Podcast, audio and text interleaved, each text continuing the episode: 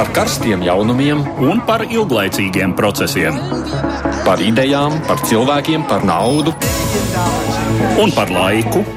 Par abām mūsu planētas puslodēm, un lietojot abas smadzeņu puslodes. Ēterā raidījums divas puslodes. Edvards Liniņš, Aits Damsons ierasts saka jums labdien raidījumā, kurā pārspriežam pasaules politiskās aktualitātes. Šodien divās puslodēs plašāk grasāmies runāt par trim atšķirīgiem tematiem.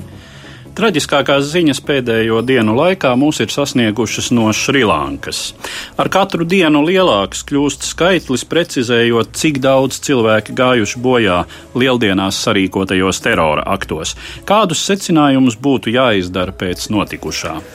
Ukrainā savukārt svētdien notika prezidenta vēlēšana otrā kārta.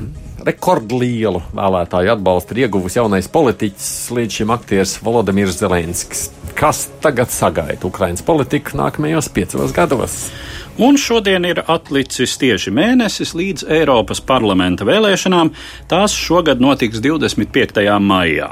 Kāda ir gaisotne Eiropā un kas varētu mainīties Eiropas politikā pēc šīm vēlēšanām? Klausītāji, kas lieto Twitter, ir lūgti tuvākajās minūtēs vēl atbildēt uz jautājumu, vai jūsuprāt jaunievēlētais Ukraiņas prezidents mūs patīkam pārsteigs vai nepatīkam pārsteigs nākamajos dažos gados. Šo mini aptauju varat atrast Latvijas radio viens kontā, tātad Twitterī Latvijas radio viens, nu, kā parasti gaidām arī komentārs mūsu mājaslapā. Un šobrīd studijā bez mums ir arī viesi, žurnāliste no Latvijas radio 4 Viktorija Terenķeva. Labdien! Ehm, Latvijas Universitātes asociētais profesors Daunis Auers Labdien. un studente Ieva Salna. Labdien. Bet mēs sākam raidījumu kā parasti ar dažām ziņām īsumā.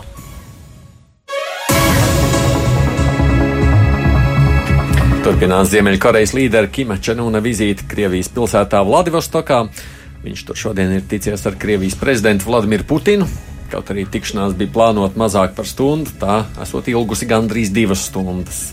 Tur bijusi saturīga viedokļa apmaiņa par appusējas intereses jautājumiem. Tāpēc divpusējām sarunām pavēstīja Kims. Tomēr neviens no līderiem nav izklāstījis sīkāk sarunu saturu. Šī ir Kim un Putina pirmā tikšanās.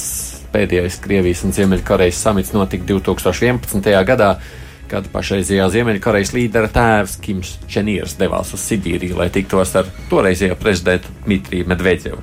Šī tikšanās ir organizēta pēc vairāk kārtējiem Putina uzaicinājumiem apmeklēt Krieviju. Brexita dēļ Lielbritānijā rodas ar vienu jaunu izaicinājumu. Skotijas valdība ir nolēmusi divu gadu laikā sarīkot jaunu neatkarības referendumu. Iepriekšējā pirms pieciem gadiem 55% skotu neatkarības ideju noraidīja, bet nu, tagad Brexita dēļ noskaņojums varētu būt mainījies. Tiesa Lielbritānijas valdība visticamāk Skotu referendumu varētu neļaut. Tikmēr valdošās Britu konservatīvās partijas vadība apspriežot iespējamo partijas nosaukuma maiņu, kas ļautu partijas deputātiem ierosināt uzticības balsojumu premjerministrei Terezai Mejai. Pašreizie partijas noteikumi paredz, ka konservatīvie parlamentu locekļi nevar rīkot uzticības balsojumu Mejai līdz decembrim, kad būs apritējis gads kopš pēdējā šāda balsojuma, ko Meija izturēja. Pieauga arī spiediens pret mēju, lai viņi paziņotu datumu aiziešanai no amata.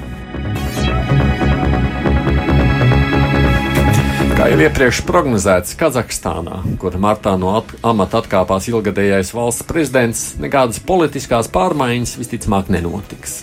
Iepriekšējais prezidents Nursultāns Nazarbājevs šonadēļ atbalstīja prezidenta pienākumu izpildītāju Kasima Tokajeva izvirzīšanu par valdošās partijas kandidātu jūnijā gaidāmajās prezidenta vēlēšanās, nu, un partijas kongress viņa priekšlikumu atbalstīja. Aicinu visus līdzpilsoņus arī atbalstīt viņa kandidatūru. Tas būs nekļūdīgs lēmums. Tā partijas kongresā sacīja Nazarbājevs, kurš arī palika šīs partijas priekšsēdētājs. Līdz ar to kongresa delegāti vienbalsīgi izvirzīja to kā jau par partijas prezidenta amatu kandidātu. Ārkārtas vēlēšanas Kazahstānā notiks 9. jūnijā, un neviens nešaubās par vēlēšanu rezultātu. Atzīstot, ka patiesībā jau savu varu arī turpmāk valstī saglabās 78 gadus vecais Nazarbājevs. Klimata izmaiņas arvien vairāk ir jūtamas Eiropā. Ne tikai Latvijā šis ir tāds netipisks silts un sauss pavasars. Vēl lielāks siltums vērojams ir vidus Eiropā. Vācijas meteorologi brīdinājuši, ka tuvākajās dienās gaidāmais lietus maz līdzēs izkaltušajiem laukiem un mežiem. raisot bažas par pagājušā gada sausuma un nopietno savvaļas ugunsgrēku atkārtošanos.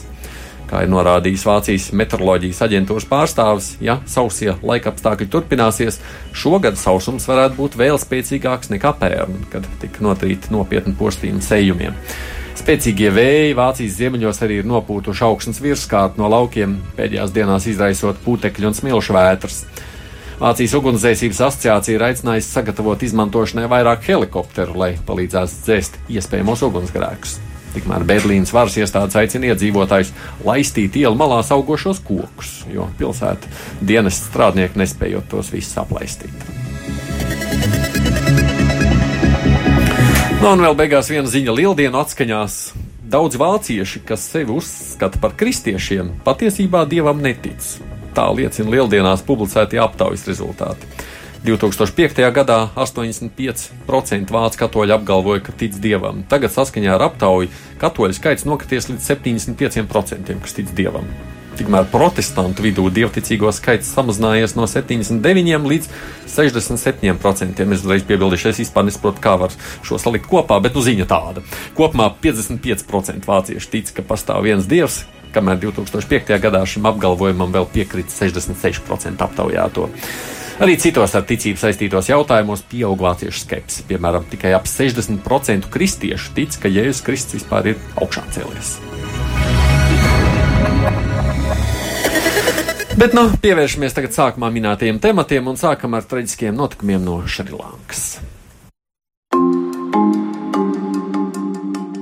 Islāma terorisms līdz šim Šrilanku bija skāris samērā nenozīmīgi, tāpēc Lieldienu svētdienā notikušās sešas eksplozijas, kurās nepārprotami bija saskatāmi radikālā islāma motīvi, šokēja kā vietējo, tā starptautisko sabiedrību. Terora akti bija vērsti pret katoļu dievnamu un trīs viesnīcām galvaspilsētā Kolombo, kā arī vēl diviem katoļu dievnamiem citās pilsētās. Sprādzienos dzīvību zaudējuši vairāk nekā 350 cilvēku un vēl vairāk nekā 500 guvuši ievainojumus. Atbildību par uzbrukumiem uzņēmusies vietējā džihādistu grupa Nacionālā monoteisma organizācija un savu līdzdalību apliecinājis arī starptautiskais terorisma tīkls Daīšs. Teroraktu vēriens un organizācijas līmenis liek domāt, ka šī schēma - vietējā marginālā grupa kā izpildītājs un Daīšs kā iedvesmotājs un organizētājs - ir visai ticama. Kā izsakās Bloomberg analītiķis Džeims Stravraidis, lieldienu uzbrukums Šrilankā iezīmē jaunu, trešās paudzes terorismu mēru. Otrās paudzes reģionālās teroristu organizācijas, tādas kā Al-Qaida un Boko Haram, ir nomainījis trešās paudzes fenomens. Islāma valsts, jeb Daīša, globāli izplatīta, ļoti asinskāra, finansiāli jaudīga, augsti inovatīva organizācija, kamēr rietumi spējuši nomākt tās teritoriālo ekspansiju, efektīvi izspiežot to no geogrāfiskā kalifāta Irākā un Sīrijā, tā ir transformējusies par globālajā tīmeklī bāzētu organizāciju, kas turpina veikt komplicētus uzbrukumus un iedibināt šūniņas visā pasaulē. Atgādījumi kopā ar mums ir arī Viktorija Treņceva, Ieva Salna un Dauns Auvers. Vispār šis vai nav viens no, laikam, vistraģiskākajiem terora aktiem, kādi ir bijuši. Tik daudz jau vienā reizē noslapkavot, to tomēr milzīgs skaitlis, vai ne? Mm -hmm. nu, es domāju, tas, ko mums jāņem vērā, ir, ka uh, mēs par to daudz runājam šobrīd šeit rietumos, um, jo uh, uzbrukumi bija vērsti tieši pirmkārt kristīgām baznīcām un otrkārt uh, luksus viesnīcām. Un teroristi jau to dara tīšprāt, jo viņi zina, ka CNN un BBC un lielie mēdī par to rakstīs, ja figurē nu, kaut kāda uh, piederīga cilvēka no nu, rietumu valstīm. Pa lielam notiek daudz šādu uh, uh, apjoma, apmēra uh, teroristu uzbrukumu gadā.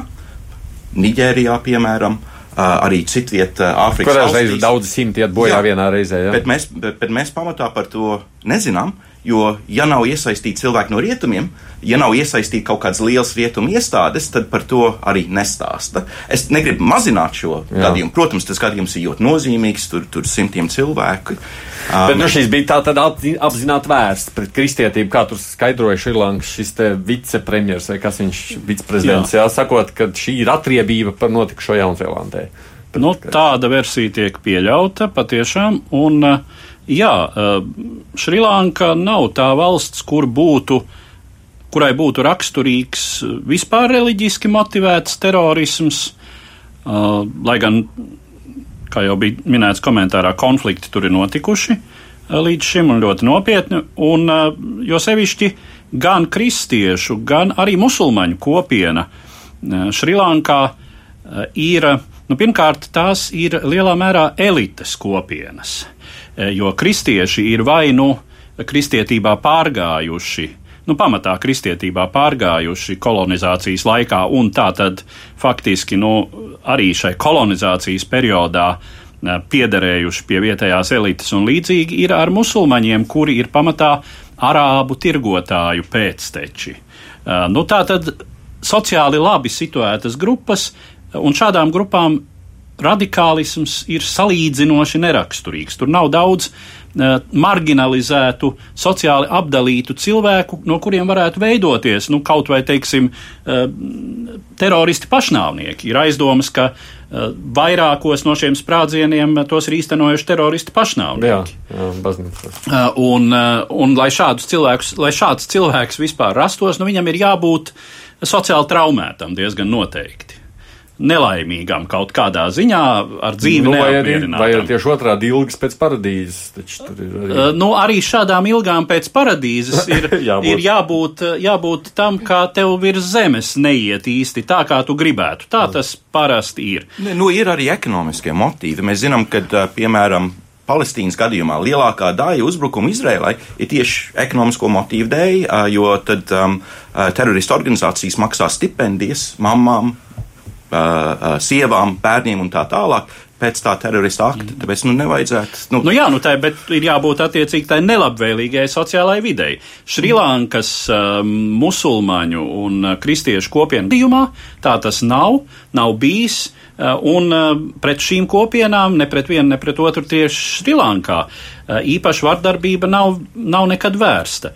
Un tāpēc ir diezgan skaidrs, ka tas ir imports. Tas ir terora imports šajā uh, šajā Indijas okeāna valstī. Un, nu, jā, tā schēma ir ļoti ticama. No, bet mēs dzirdējām arī tajā ierakstā, kas tikko iepriekš skanēja, sakot, ka nu, tā ir tāda islāma valsts, tagad tāda virtuālā realitāte pārvērsies. Jau iepriekš mums viņa bija geogrāfiska, un mēs zinām, Sīrija, Irāka, viss tā teritorija, tad šobrīd, nu, ir tāda virtuāla, vai tas nozīmē, ka šis varētu nebūt vairs vienīgais, ja mums tāda jāgaida tieši šāda veida terora akti virtuāli no Nu, ne, akts jau vairs nav virtuāls.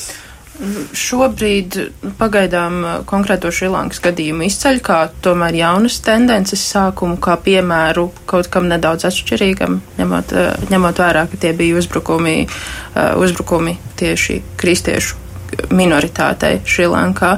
Līdz ar to, kā tas ierakstās kopējā, kopējā jā. Jā, kopējā gaitā, kopējā plūdumā šobrīd es, es domāju, ka ir par agru spriest. Nē, nu, es domāju, ka tur, tur var tiešām saskatīt šo, kā tas tika nodēvēts arī citētajā komentārā, trešās paaudzes, jeb konkrētais autors pat resursā Bloomberg izteicās globālais terori, terorisms 3.0. Ja?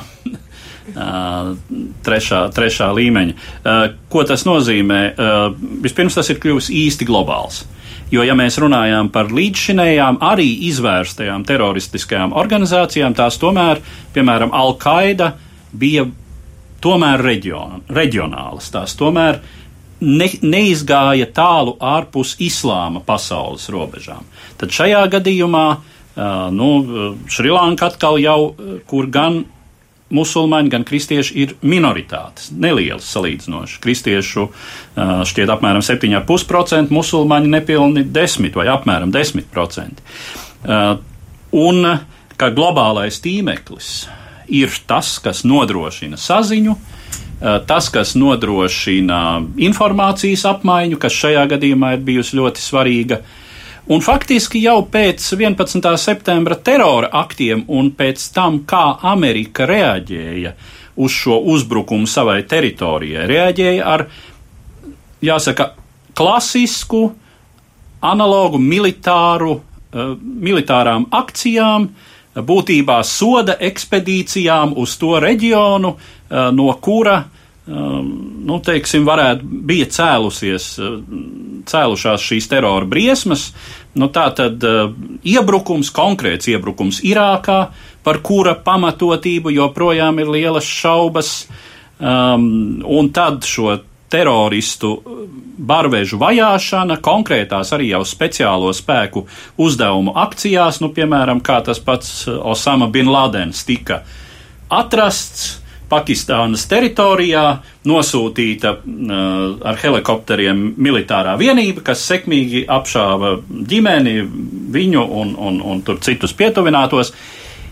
Un jau tad tika teikts, ka tas īsti vairs neatbilst pašreizējai realitātei.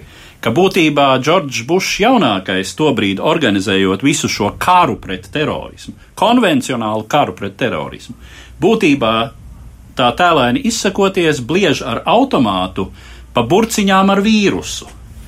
Ja? Ka iedzenot šos teroristus, nodzenot šos teroristus no geogrāfiskās, no telpiskās skatuves, Viņi tiešām pārvietojas um, virtuālajās saknēs. Jā, bet tad, kad bija savulaik, nu vienalga, vai tā bija Parīze vai Brisele, nu, nu bija jau teritorija. Vienalga jau viņi tajā nu, spridzināja vai gāja, vai tā geogrāfija tur liela nozīme, jūsuprāt? Nu, es domāju, ka varbūt ne tā geogrāfija tik daudz, bet tas, kādā veidā notika šis terorāks. Proti, tas nebija viens cilvēks, nebija divi cilvēki, bet tie bija vairāk cilvēki koordinēti, kas Jā. daudz maz vienlaicīgi uzbruka uh, nozīmīgām struktūrām. Un, un, un, protams, mums jāatcerās, ka um, šīm luksus viesnīcām viņiem jau arī ir pietiekami augstā līmenī uh, drošības pasākumu. Tātad viņi tikuši garām šiem drošības pasākumiem, infiltrējušies viesnīcā, arī uzbrukumu baznīcā. Es domāju, ka šobrīd uh, drošības iestādes visur pasaulē uh, ļoti aktīvi strādā, lai saprastu, kas tas ir par grupējumu, vai tas tiešām bija Islāma valsts, kā viņi strādāja, kādus resursus viņi izmantoja. Un tai pašā laikā šobrīd ļoti nervozē sociālie mēdī, kas jau ilgstoši nervozē par regulāciju un tā tālāk, jo, kā zināms, Šrilankā laikam divas dienas pēc šīs akcijas tika izslēgta sociālie mēdī, lai, lai nebūtu baumas un tā tālāk. Um, un, ja šī tendence turpināsies, tas vēl vairāk apdraudēs uh, šo uh, darbības modeli Facebookam, Twitterim un tā tālāk, un vēl vairāk vedīs viņus uz kaut kādu lielu uh, regulācija, kas noteikti ietekmēs viņu ienākumus un, un darbību. Bet mums tam ir jāsaka, ka kaut kas taču ir palaists garām, vai ne? No, no tāda viedokļa skatoties. Un kādi būs secinājumi arī no šī tā visa?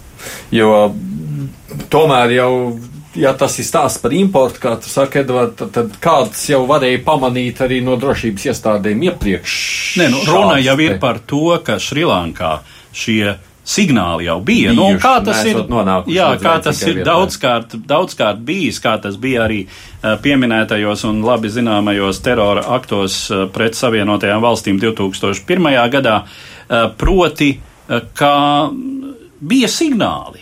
Kā drošības dienestiem bija informācija, Šrilankas drošības dienesti saņēma informāciju par iespējamu uzbrukumu no citu valstu uh, drošības struktūrām, bet nereaģēja. Acīm redzot, nesaskatīja tieši kā, kurā vietā.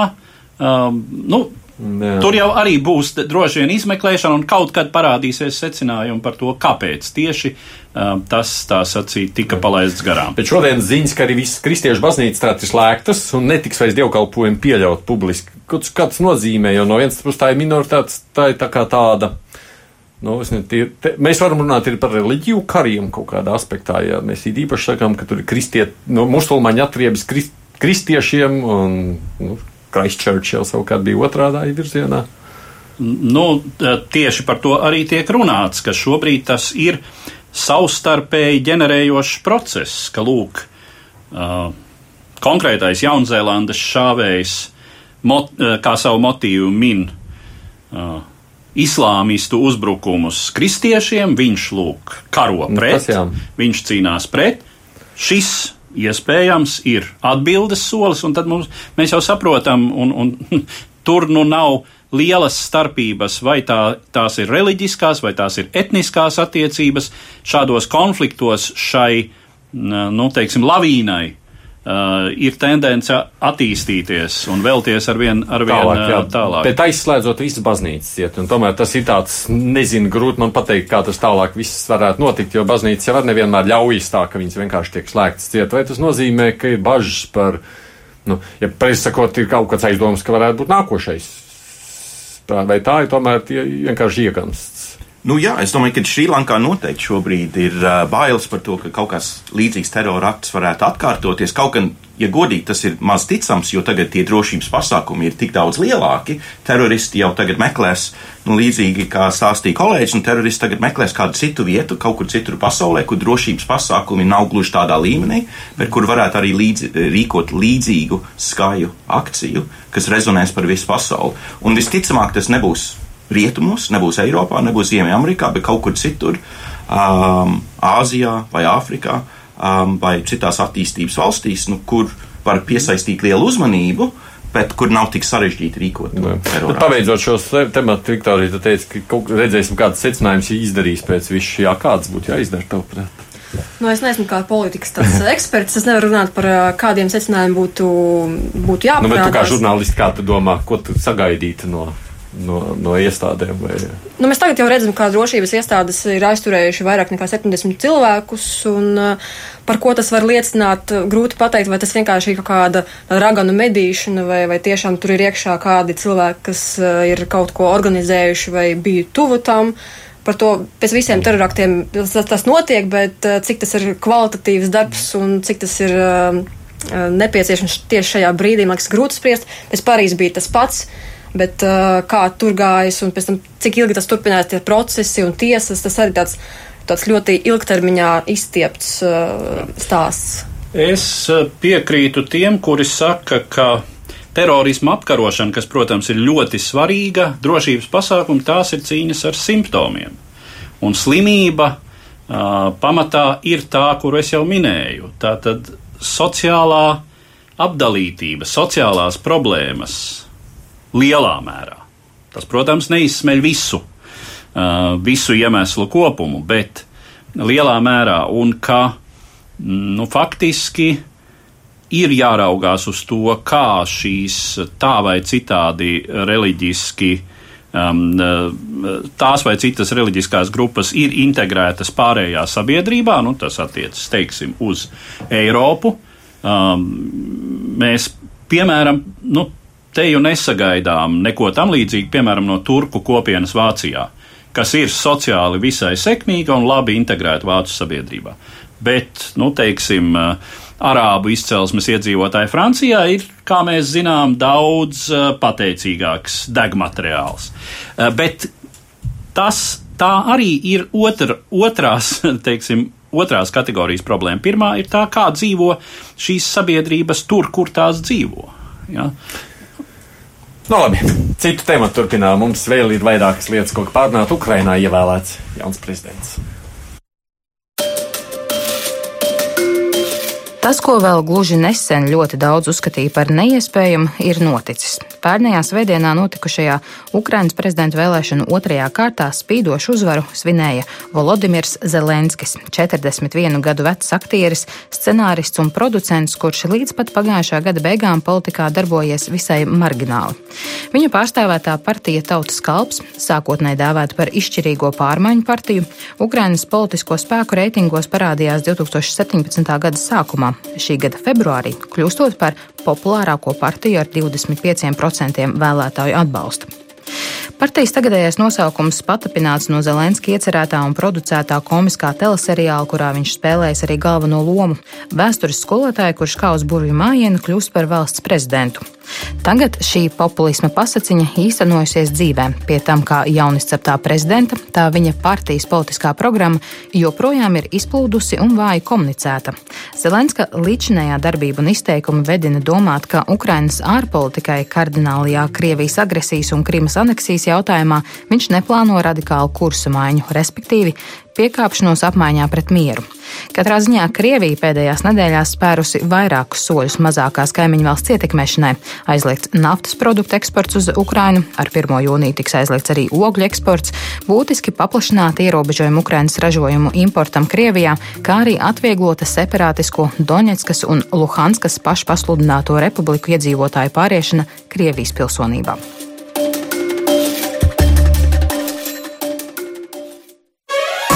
Divas puslodes.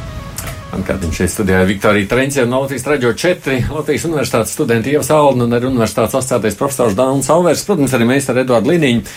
Par to tikko dzirdēto. Ko jūs sakāt par Krievijas nu, tādu skeptisko šobrīd vismaz izklausās attieksmi pret Zelensku un visu to retoriku?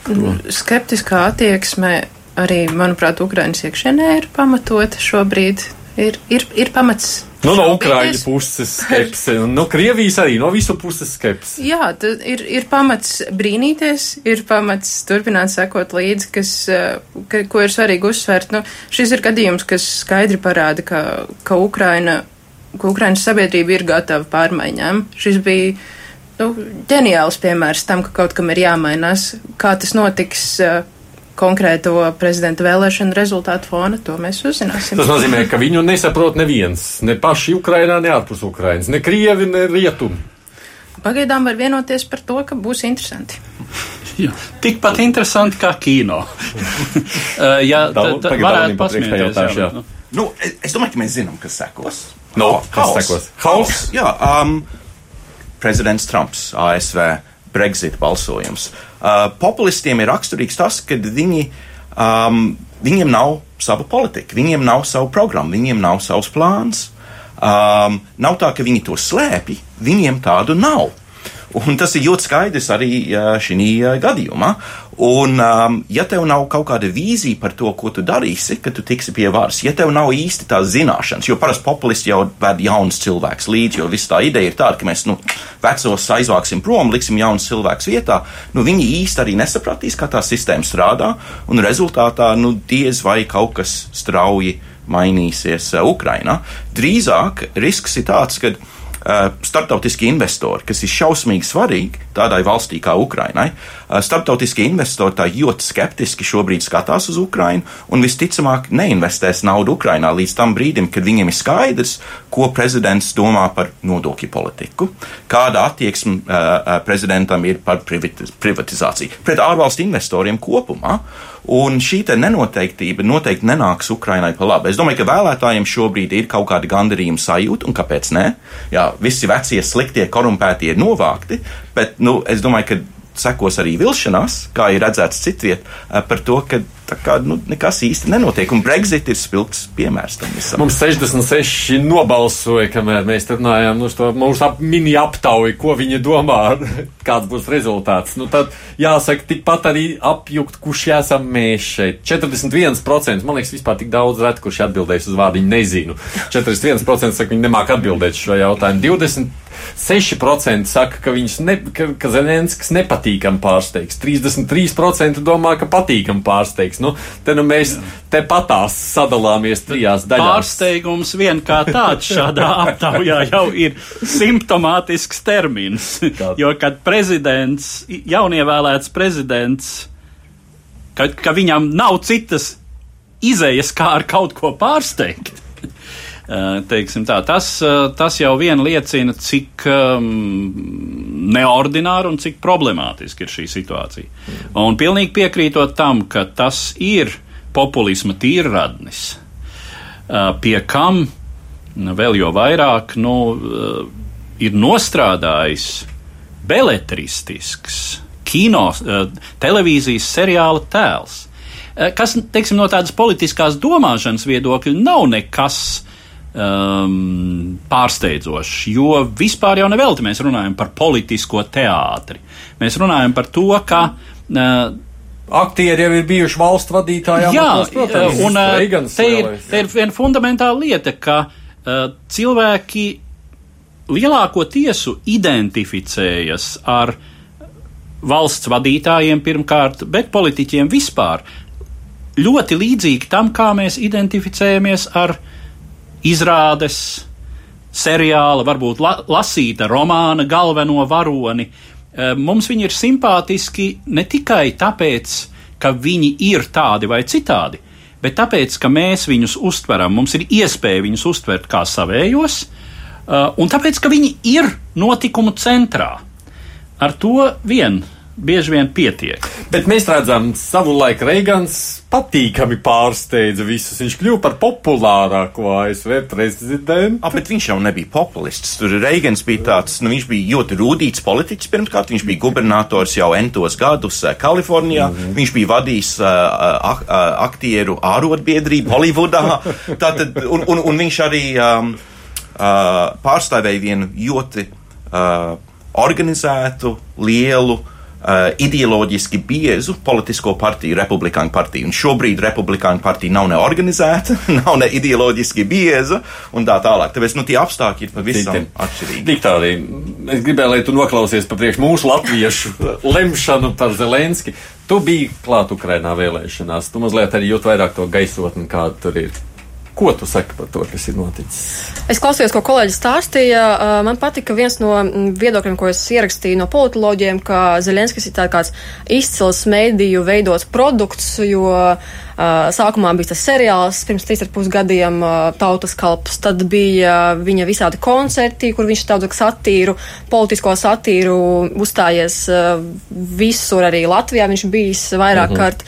Um, tad viņš bija iegājis um, kino tulkošanas tirgu un visos kinoteātros, uh, visi tulkojumi no Krievijas, filmu no Krievijas, no ārzemēm bija ierunāti daudz vai maz ar viņa balsi. Tā kā jau vairākus gadus pirms vēlēšanām viņš jau bijis iekšā, no, no, no katras tur varēja kaut ko dzirdēt vai redzēt viņu.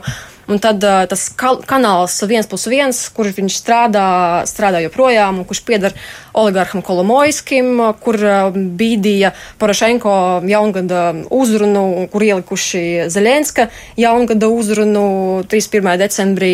Tas viss kā gājis, gājis, gājis, gājis, un atnāca pie tās partijas ar to pašu nosaukumu kā, kā tas seriāls, kurš projām gaida jauno sezonu, kad drīzumā īstenībā. Uh, Un tas tā kā rezultējās tajā kampaņā, ka, kur arī nebija tāda klasiskā veida kampaņa, eh, jo Parašenko bija licis uzsvaru uz eh, tām uh, trim lietām kā um, valoda, armija un, un baznīca.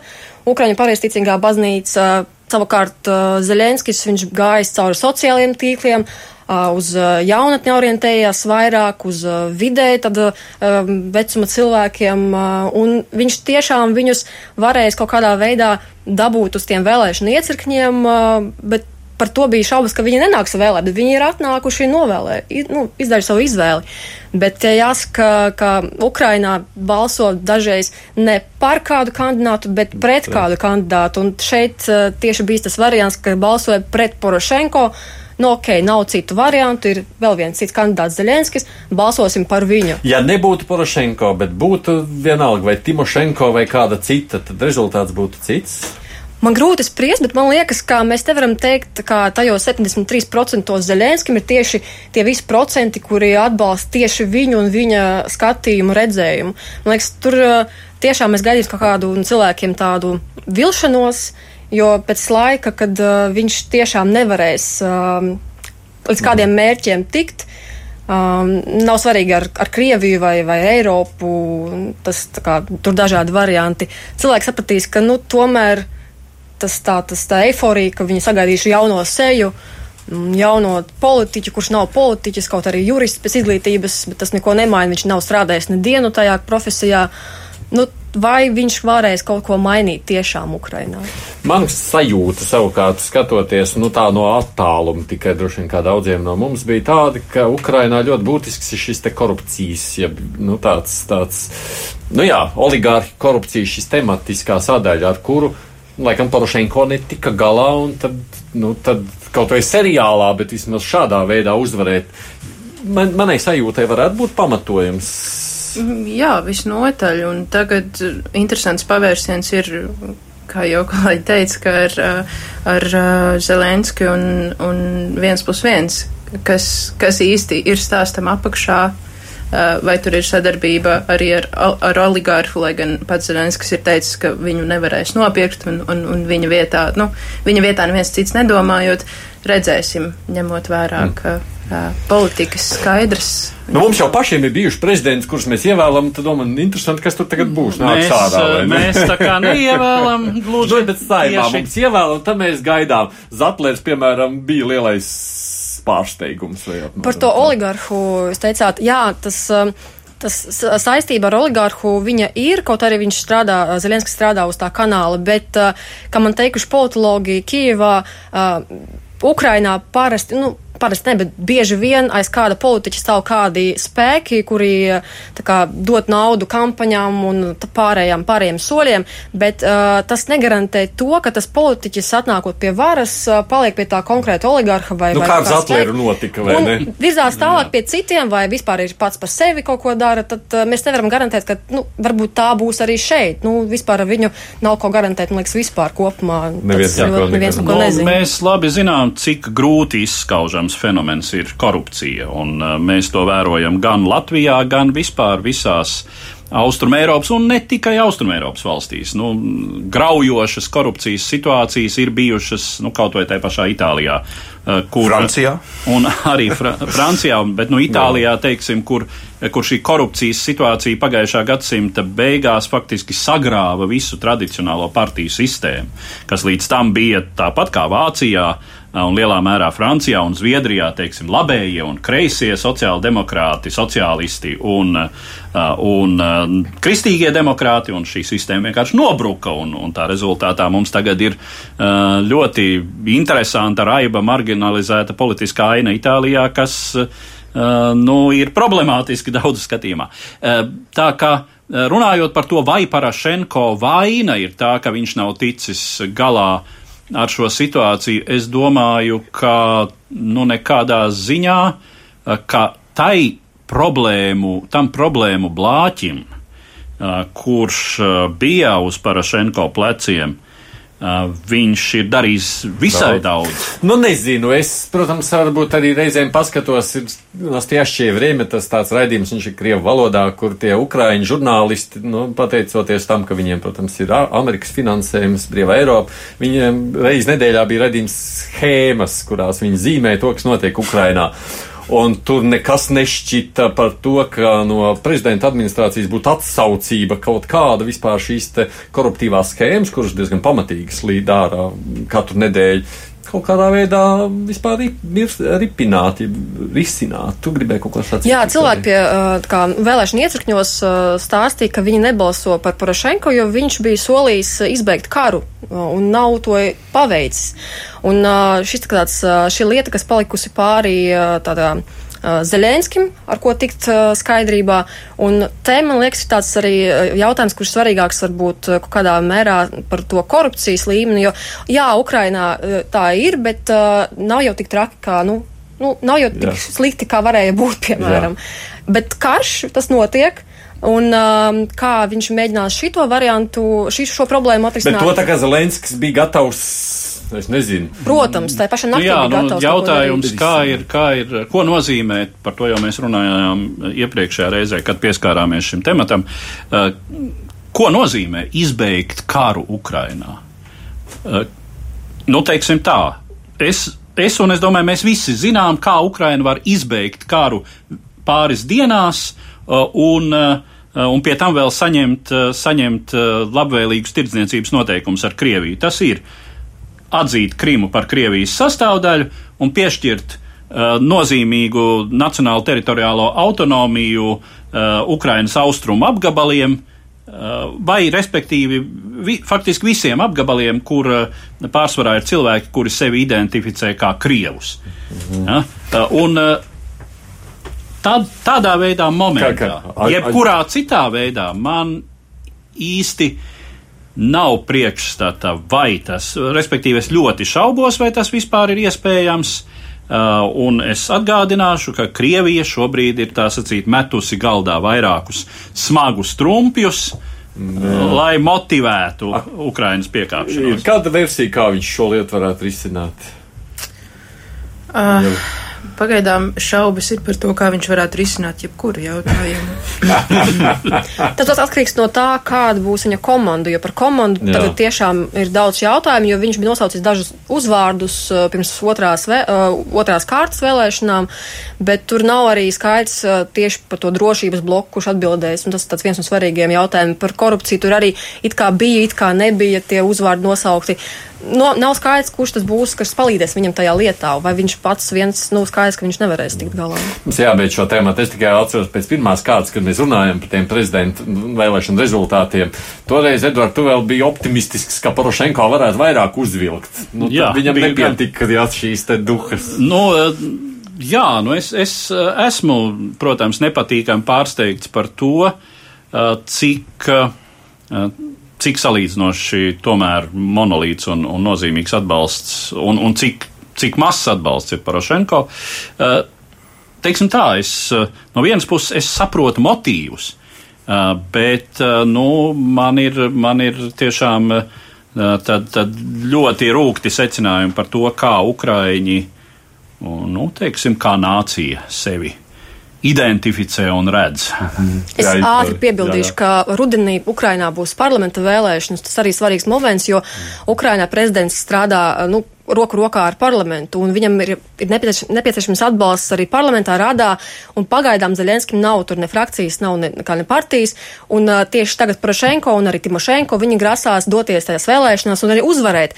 Un tad, kas būs rudenī, to mēs arī redzēsim, tas būs interesanti. Labi, vēl vienam jautājumam pievēršamies šīs dienas raidījuma laikā. Tad tieši mēnesis līdz nākamajām vēlēšanām arī visā Eiropā.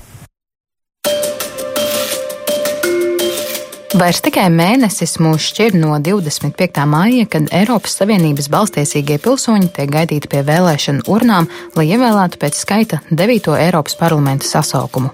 Pie tam joprojām nav gluži skaidrs, vai vēlēšanas notiks 27 vai 28 dalību valstīs, un vai attiecīgi potenciālo vēlētāju skaits būs aptuveni 512 miljoni vai par kādiem 45 miljoniem mazāks. Šādu bezprecedenta intrigu šī gada Eiroparlamenta vēlēšanām ir sagādājis iestrēgušais Brexit process, cik tālu joprojām pastāv teorētiski iespēja, ka atlikušā mēneša laikā Lielbritānija akceptēs pagājušā gada novembrī panākto izstāšanās līgumu un pametīs savienību. Tomēr pēc pēdējās izstāšanās termiņa atlikšanas daudzkārt ticamāk ir iespēja, ka māja trešajā dekādē apvienotā karaliste joprojām būs Eiropas Savienības dalībvalsts, piedalīsies vēlēšanās un līdz ar to nenotiks arī plānotā Eiroparlamenta deputātu skaitu samazināšana un mandātu pārdala starp dalību valstīm.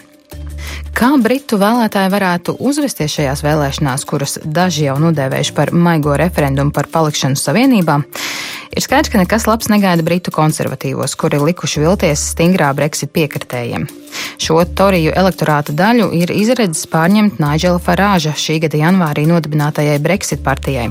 Salīdzinoši lielākas cerības uz panākumiem liek Leiboristu partija, kuras līderi atbalsta maigāku Brexit versiju. Tiek pat lēsts, ka Leiboristu panākumi varētu mainīt spēku samāru Eiroparlamentā starp divām spēcīgākajām frakcijām - labēji centrisko Eiropas tautas partiju grupu un kreis centrisko sociālistu un demokrātu progresīvo aliansi. Lielbritānijas vēlēšanu perspektīvas iekļaujas dziļākā un jau vairākus gadus aktuālā intrigā. Kā mainīsies spēku samērs starp populistiskajām, tā skaitā eiroskeptiskajām un proeiropeiskajām partijām? Astotā sasaukuma Eiroparlamentā populistu īpatsvars tika lēsts uz apmēram 150 deputātiem, jeb ap 20%. Ir diezgan skaidrs, ka nākamajā sasaukumā šādas ievirzes parlamenta locekļu būs vairāk, cik tālu tādām partijām kā Alternatīva Vācijai, Itālijas piedzvaigžņu kustībai un Ziemeļu līgai, Austrijas brīvības partijai, starplaikā ir izdevies nozīmīgi palielināt savu ietekmi nacionālā līmenī. Nav izslēgts, ka šai nometnē varētu pāriet arī tādi līdz šim mērenākiem blokiem piederīgi spēki kā Ungārijas valdošā partija Fidesz un Polijas valdošā likums un taisnīgums. Izskan pat viedokļi, ka eiroskeptiķu un populistu bloks varētu pat kļūt par lielāko Eiroparlamentā un radikāli mainīt savienības politiskos pamatus. Atsevišķi šīs ievirzes partiju arsenālā ir tādas radikālas idejas kā Eiropas komisijas likvidācija, atteikšanās no vienotās valūtas, ekonomiski vājāko dalību valstu izslēgšanas no savienības un citas idejas. Tomēr starp šīm partijām ir arī gana daudz ideisku un taktisku pretrunu, tāpēc tiek apšaubīta to spēja izveidot vienotu Eiroparlamenta bloku. Jūs sakāt par šiem apakaliptiskākajiem scenārijiem pēc vēlēšanām, ka Eiropa varētu mainīties līdz nepazīšanai pēc vēlēšanām? Nu, domāju, ka nemainīsies, jo visticamāk kreisie un labējie spēki apvienosies, nu, varbūt paņems arī liberāļus līdzi, ja vajadzīgi, un viss turpināsies kā līdz šim. Uh, man ir grūti ticēt, ka uh, šie nu, preteiropiskie vai populistiskie spēki, ka viņi varētu savākt nu, 300 plus vietas uh, likumdevējā. Viņiem noteikti būs lielāka pārstāvniecība kā līdz šim, bet iegūt vairākumu, nu, es nezinu. Mhm. Um, tā tad es domāju, ka nu, nekas īpaši nemainīsies. Un, lūk, tā varētu arī būt problēma, jo, ja liela daļa eiropieši balso par eiropiskiem, uh, drīzāk par eiroskeptiskiem spēkiem vai par populistiem, un tad, nu, lūk, tiek izveidots uh, Eiropas komisija, Un Eiropas komisijā viņi nav pārstāvēti. Eiropas komisijā ir tikai eiro optimisti un Eiropas atbalstītāji. Nu, tas jau vēl vairāk stiprinās to sajūtu, kad mūs ignorē, mūs neuzklausa. Tad nākotnē, un, kaut kad nākotnē. Jā, jā, es domāju, vienu, un, nu, mēs šito redzam ar populismu, kad uh, Eiropas līderi jau 10, 15, 20 gadus ignorē populismu nu, teiksim, saknes. Eh, viņi tēlo, ka, ka nu, tas nav saistīts ar viņiem, tas nav saistīts ar viņu lēmumiem un tā tālāk. Viņi tur, turpina to iesākto kursu un ar katru gadu populiski kļūst spēcīgāk, jo šīs problēmas netiek atrisinātas. Nu, un, ir, jau, ir jau tomēr jautājumi, kurus šobrīd uh, Eiropas Savienības vadība uh, cenšas risināt, pret kuriem, nu, kas it kā ir šis populism, populisma Uh, nu, faktiskais, uh, faktiskie motīvi, no kuriem šīs partijas profitē. Nu, piemēram, uh, teiksim, Eiropas robežas stingrāka aizsardzība, lai attiecīgi novērstu nekontrolētu migrāciju. Nu, tur ir konkrēti risinājumi un konkrētas programmas. Bet, protams, ka Nu, tā, ja, ir, ja pastāv šis priekšstats par Briseli, kas uzspiež savu gribu, par nacionālo vērtību atmešanu vai ignorēšanu, par kalpošanu globālajam finanšu kapitālam un tā tālāk, un tā tālāk, nu, šādus viedokļus atspēkot ir te vai neiespējami. Jautājums, cik ir, cik ir to, kuri tiem tic, un, un cik ir to, kur uzskata, ka attiecīgiem spēkiem, kuri, eh, kuri ar šiem lozungiem iziet, ir tiešām jādod politiskā vara. Eh, nu, eh, jā, tās prognozes ir, ka varētu būt apmēram 250 jaunajā sasaukumā šādas, jā. šādas ievirzes. Te jāla, nu, neteiksim, jālabo kolēģi izteikums, bet jāpiebilst, ka, protams, Eiropas komisijā, kur komisārus taču izvirza dalību valstis. Nu, tur, kur populisti ir pie varas, kā piemēram Itālijā, tur Eiropas komisārs droši vien arī pārstāvēs šo virzienu. Tas pats varētu attiekties uz Austriju. Bet, bet redziet, tā spicena kandidāta būtība pēdējās, nu, iepriekšējās vēlēšanās un šīs vēlēšanās ir, kad e Eiropas komisija atspoguļo arī vēlēšanu rezultātus, un tāpēc arī Eiropas parlamentam ir veto tiesības uz, uz izvirzīto Eiropas komisiju. Tāpēc, man, manuprāt, nepietiek ar to, ka, nu, varbūt Austrija un Itālija izvirza uh, kaut kādus populistus uz Eiropas komisiju. Tur drīzāk vajadzētu nu, procentuāli apmēram atbilst tam, cik ir to populistu mm. Eiropas parlamentā. Ko jau saka par pesimistisku vai optimistisku skatu par to, kas notiks pēc vēlēšanām? Nu, es arī piekrītu tam, kas jau tika teikts. Pagaidām izskatās pēc visa, cik var manīt, ka lietas pa lielam nemainīsies.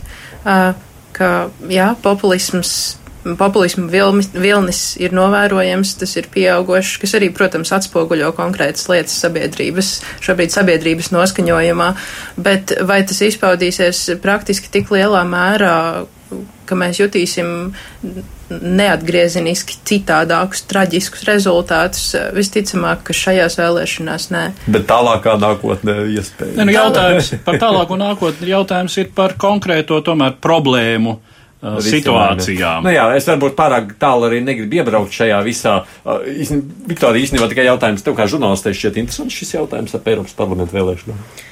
Ja godīgi, nē. nu, tā, ja tā kā, vai tas ir interesants vai nav interesants, tas ir svarīgs, jā, ir svarīgs, bet vai tas ir interesants, īpaši Latvijā, smē, Latvijas mērogā, nu, tas īsti nav interesanti. Lai viņi tur paši Nu, vai ne? man- man ir- man ir interesanti. Pak, pak, pak, pak, tev ir interesanti, Viktorija. Bet, man liekas, ka visi jau saprot, kā tas viss, nu, Latvijas gadījumā, kā tas beigsies un kurš uh, iekļūst parlamentā.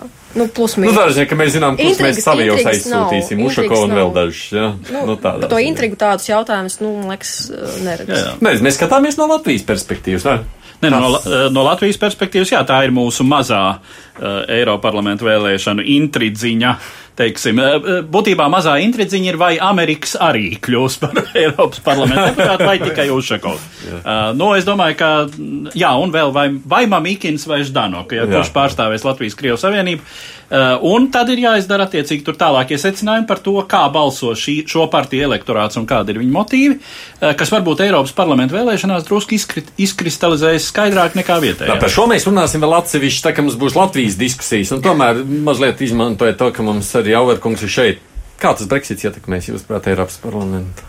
Oi! Brits tomēr šķiet startēs. Mēs, mēs pat nezinām, kā Brexit izskatīsies pēc trim vai četrām nedēļām. Tāpēc prognozēt, kā tas varētu ietekmēt Eiropas parlamentu, nezinu. Nu, pa lielam, ja Briti būs Eiropas parlamentā, un visticamāk viņi būs. Visticamāk jā, būs, jā. visticamāk, ka būs. Um, nu, tad tur pa lielam būs eiroskeptiski noskaņoti cilvēki.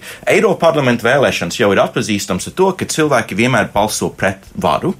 Un bieži balso par tādiem neprognozējumiem kandidātiem, jo pa lielam iedzīvotāji uzskata, ka Eiropas parlaments nav īpaši svarīgs, nav īpaši būtisks, tas neietekmē manu dzīvi, tātad es balsoju par jebkuru blēdi. Un tas, protams, nāk pa labu Nigel Farāžām un eh, Brexit partijai, līdzīgi arī Zājai, partijai.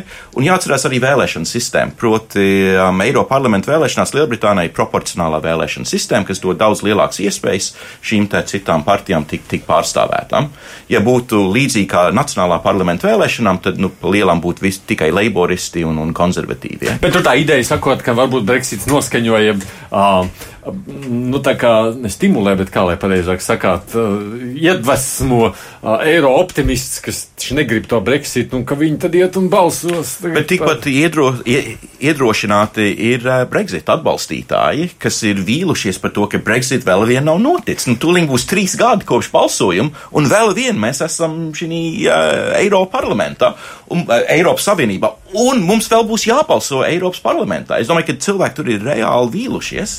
Uh, nevar to nosaukt par tādu britu mīksto referendumu par to palikt vai nepalikt Eiropas Savienībā vispār. Nu, šobrīd tiešām neskaidrības ar Brexit ir vēl tik lielas pagaidām, ka teikt, ka mobilizēsies pro-eiropiskie spēki vai nu, pro-eiropiskie uh, balsotāji vai ka mobilizēsies uh, eiroskeptiskie balsotāji ir uh, pārāk izplūdes jēdziens. To nevar šobrīd tā konkrēti teikt. Iespējas pastāv, bet kas, kas man šķiet ir, ir svarīgi pieminams uz visā, vispār uz Eiropas parlamentu vēlēšanu fona, ir, ka Eiropas parlamentu vēlēšanas nav tikai diskusija par, par pro-eiropeisku vai, vai eiroskepticismu, kas šobrīd notiek. Um, tas, uh, tas ar populismu viļņa ienākšanu nedaudz novērš uzmanību no, no rīcību politikas un no praktiskajām lietām, uz kurām mums vajadzētu koncentrēties.